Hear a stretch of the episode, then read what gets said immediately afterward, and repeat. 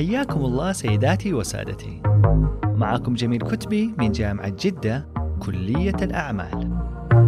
وأهلا وسهلا بكم في بودكاست سايدوز البودكاست المهتم في نشر جرعات معرفية في مختلف فنون الإدارة والهندسة والإقتصاد.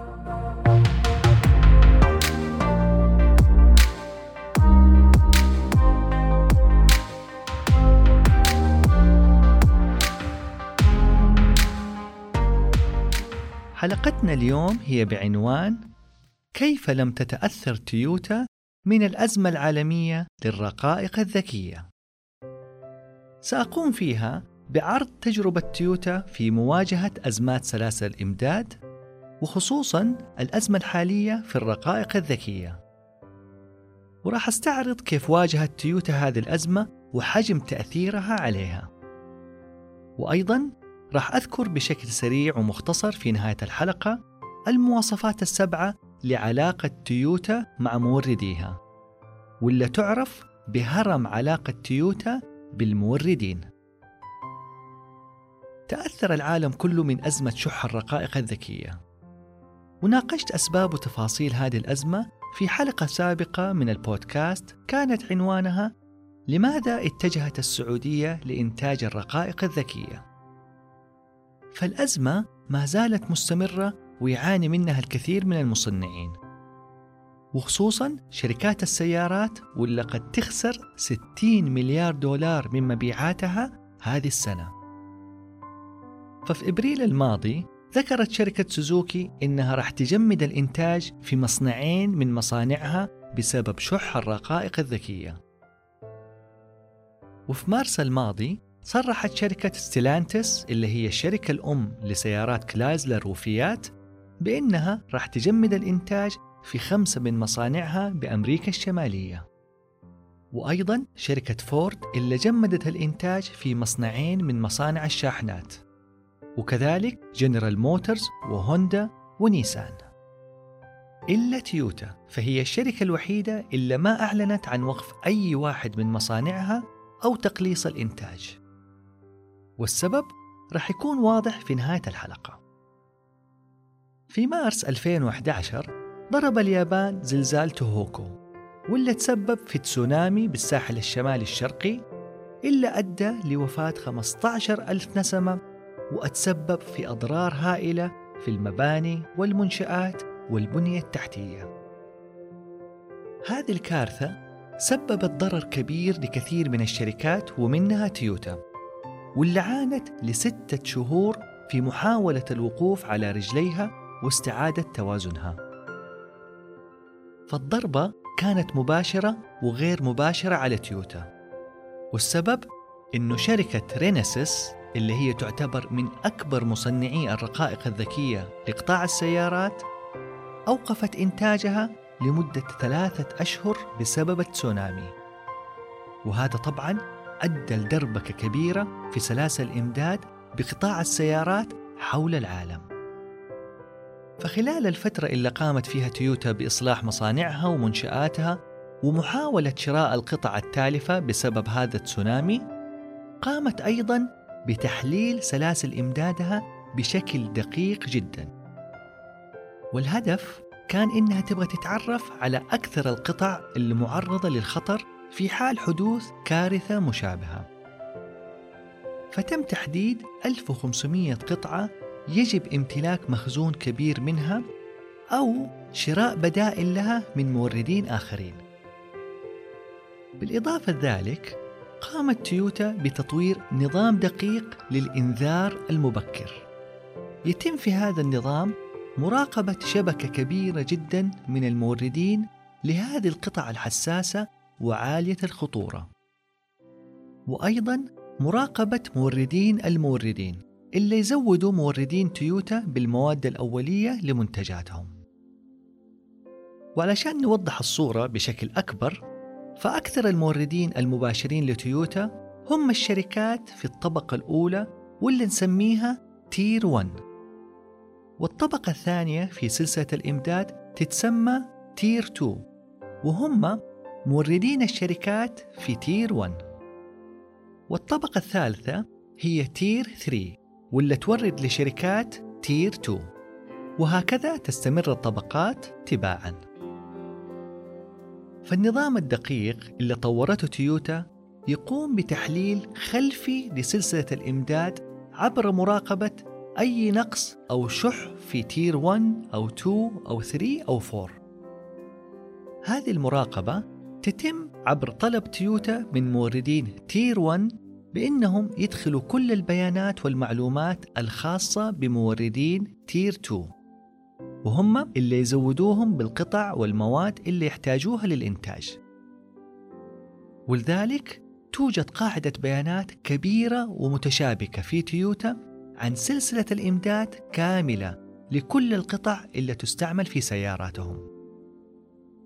فلو أخذنا على سبيل المثال مصباح السيارة، فتويوتا تتعامل مباشرة مع الشركة اللي تورد لها هذه القطعة، ولكنها تعرف موردين هذه الشركة وأماكنهم والمواد اللي يوردوها لمصنع المصابيح.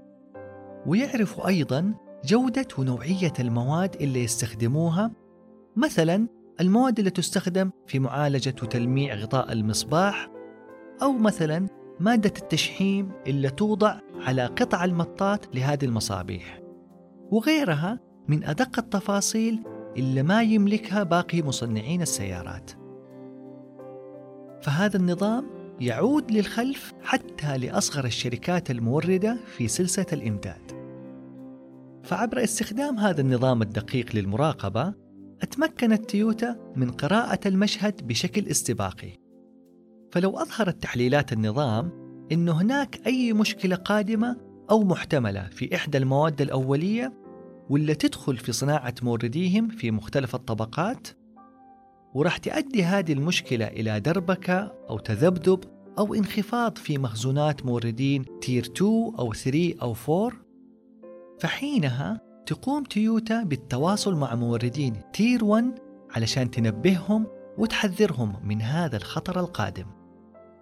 وأيضا تساعدهم في حل الأزمة مع موردينهم قبل وقوعها وبكذا راح تمتلك تويوتا مخزون كبير لهذه القطع الحساسة قبل وقوع الأزمة وما راح تأثر عليهم زي باقي مصنعي السيارات وهذا بالضبط اللي قامت فيه تويوتا قبل أزمة الرقائق الذكية فحلت المشكلة من جذورها قبل وقوعها. فأزمة كورونا خلال العامين الماضيين سببت دربكة كبيرة في قطاع السيارات حول العالم بسبب شح الرقائق الذكية. واللي زاد الطين بلة إنه في 19 مارس الماضي احترق مصنع كبير لشركة رينيسيس في مدينة هياتشيناكا باليابان. وأتطلب منهم مية يوم علشان يعودوا لمستويات الإنتاج الطبيعية مع العلم أنه إنتاج رينيسيس يشكل 6% من الإنتاج العالمي للرقائق الذكية لقطاع السيارات. وتويوتا هي أكبر عملاء الشركة. ورغم هذه الأزمة الكبيرة اللي أثرت على كثير من شركات السيارات إلا أن تويوتا كانت أقل المتضررين بسبب الدروس اللي تعلمتها من أزمة 2011 فالمخزون اللي امتلكته حينها كان وسادة النجاة في هذه الأزمة وما اضطرت لوقف إنتاجها زي باقي شركات السيارات.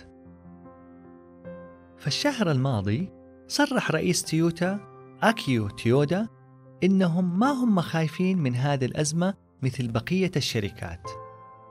وأضاف أن السر هو التواصل المستمر مع مصنعي الرقائق الذكية ومع مورديننا ممن يحتاجون هذه الرقائق في قطعهم. ففي الوقت اللي أعلنت فيه نيسان وهوندا إنه معروضهم من السيارات لهذه السنة راح يتقلص بمقدار 250 ألف سيارة فقد أعلنت تويوتا إنه معروضهم من السيارات ما راح يتأثر إلا بمقدار قليل جدا ولا يكاد يذكر مع العلم أن مصنعي السيارات اليابانية راح ينخفض معروضهم من السيارات بمقدار 500 ألف سيارة هذه السنة بسبب شح الرقائق الذكية طيب في سؤال ممكن يخطر على بال الناس اللي عارفين نظام تويوتا وعارفين إنها هي معروفة بنظام just in time اللي هو نظام السحب اللي تطبقه بإدارة المخزون واللي يهدف لتقليص المخزون وخفض التكاليف. فممكن تسأل إيش تأثير نظام just in time في هذه الأوقات؟ وكيف سوت تويوتا مع استخدام هذا النظام؟ علما إنه آه، هذا النظام ما بتطلب فيه كميات كثيرة أو كبيرة من القطع وكيف كانت ردة الفعل مع هذه الأزمات زي الزلزال أو التسونامي وغيرها من أزمات في سلاسل الإمداد؟ خليني أوضح نقطة مهمة. زلزال 2011 علم تويوتا أهمية أنه تكون أكثر مرونة في التعامل مع المخزون. فكمية المخزون بعد عام 2011 تضاعفت لدى الشركة وأصبحوا يملكوا مخزون يكفي الأربعة أشهر للقطع المهمة زي الرقائق الذكية وغيرها.